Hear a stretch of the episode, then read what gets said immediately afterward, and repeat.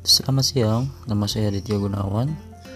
Saya kelahiran tahun 96 Mungkin teman-teman ada yang sepantaran dengan saya. Saya tinggal di Pondok Cabe, Tangerang Selatan. Mungkin di daerah saya itu masih masuknya zona merah ya sekarang. Saya sih punya hobi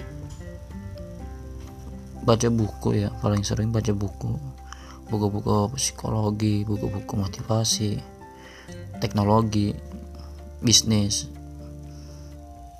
Paling sih itu aja sih paling yang sering saya baca. Kesibukan saya sekarang hari ini lagi kerja belajar-belajar buat podcast nih dari cyber kreasi. Saya sangat terima kasih banget dapat ilmunya tadi dari YouTube.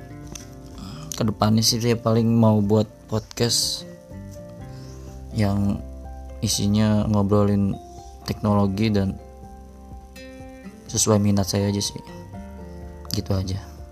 Terima kasih saya berkreasi untuk materinya yang tadi dan saya tunggu buat besok. Terima kasih